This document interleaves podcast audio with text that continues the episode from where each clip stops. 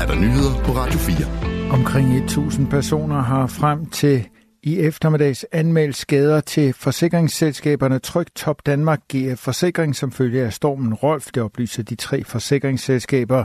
Både GF Forsikring og Top Danmark siger dog, at man forventer flere anmeldelser de kommende dage. GF Forsikring forventer, at der i alt vil komme omkring 800 anmeldelser. Stormen Rolf passerede natten til i dag over Danmark med vindstød af orkanstyrke visse steder i landet.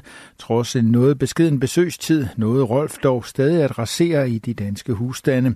Der er primært tale om mindre stormskader, som der bliver anmeldt. Få anmeldelser har dog været af lidt større karakter, oplyser forsikringsselskaberne. Det er især stormskader som nedfaldende tagsten, men vi har også fået anmeldelser om løse tagplader og knækkede flagstænger, siger boligchef i Top Danmark, Helene Ibsen. Både Top Danmark og Tryk skriver, at det især er deres kunder i Nordjylland, der er blevet hårdt ramt af skader efter stormen. Tysklands forbundsdag har ved en afstemning i dag stemt for en delvis legalisering af dyrkning og besiddelse af hash. Den delvise legalisering bliver gældende fra 1. april. Det vil komme til at berøre ca. 4,5 millioner tyskere, der i dag ryger eller på anden måde forbruger hash. Det vil samtidig kunne ramme det kriminelle marked, hvor handel med hash hidtil har foregået. Legaliseringen blev støttet af 407 parlamentarikere, mens 226 stemte imod. Der var fire blanke stemmer. Formandskansler Olaf Scholz regering af Socialdemokrater, De Grønne og det liberale FDP har udarbejdet loven, som betyder, at private kan dyrke op til tre planter hamp til privat brug. Og det vil være lovligt at være i besiddelse af op mod 25 gram hash.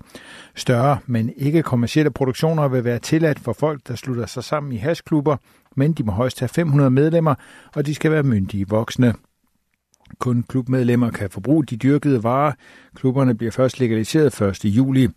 Loven ventes at blive godkendt af Forbundsrådet, hvor delstatsregeringerne sidder den 22. marts. Den delvise legalisering betyder, at der er udarbejdet en omfattende lovgivning på området med en lang række af regler, restriktioner og bestemmelser. Det har været betydelig kritik af den nye lovgivning og af de planer, der er knyttet til den, blandt andet fra lægesammenslutninger, juridiske instanser og fra politisk hold. Der er indledt en rekonstruktion af selskabet bag fodboldklubben Esbjerg FB, det oplyser klubben i en pressemeddelelse. Det er en begæring fra en kreditor, som har fået skifteretten i Esbjerg til at indlede en rekonstruktion af selskabet EFB Elite AS. Divisionsforeningen oplyser til Ritzau, at Esbjerg ifølge DBU's love kommer til at blive fratrukket 9 point i tilfælde af en rekonstruktion. De nærmere forhold omkring den nuværende situation skal dog undersøges nærmere, før man kan sige noget håndfast om, hvad der kommer til at ske. Hvis rekonstruktionen mislykkes og Esbjerg begæres konkurs, tvangsnedrykkes klubben ifølge Divisionsforeningens turneringsregler til Danmarksserien. Både direktionen og bestyrelsen er afsat indtil klubbens fremtid ligger fast. Advokat Søren Volter fra advokatfirmaet Bæk Brun overtager midlertidigt ledelsen i FB Elite AS. Klubben meddeler samtidig, at kampe og øvrige arrangementer vil afvikles som hidtil, mens processen omkring en rekonstruktion pågår, og at medarbejdere vil få udbetalt løn som vanligt. Efter en undersøgelse af en polsk vikarvirksomhed er 33 indere blevet sigtet for overtrædelse af udlændingeloven. De havde ikke den fornødne arbejdstilladelse til at arbejde i Danmark. Den polske virksomhed udstationerer indiske arbejdere på en byggeplads i Esbjerg. Det er en fælles myndighedsindsats bestående af Arbejdstilsynet, Skattestyrelsen og politiet, der har undersøgt virksomheden. Det er sket i samarbejde med det polske arbejdstilsyn, det skriver Beskæftigelsesministeriet i en pressemeddelelse.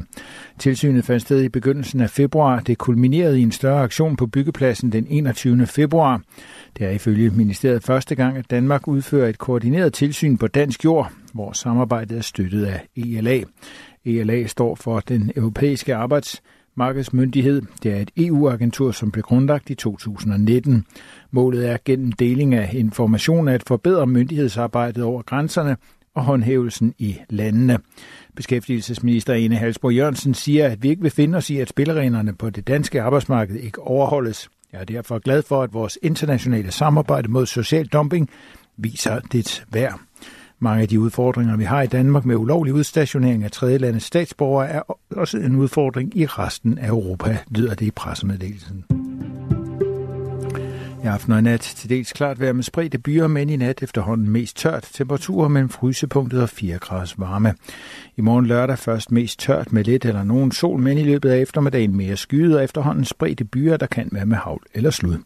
Temperaturer mellem 4 og 9 grader. Det var nyhederne på Radio 4. De blev læst og redigeret af Thomas Sand.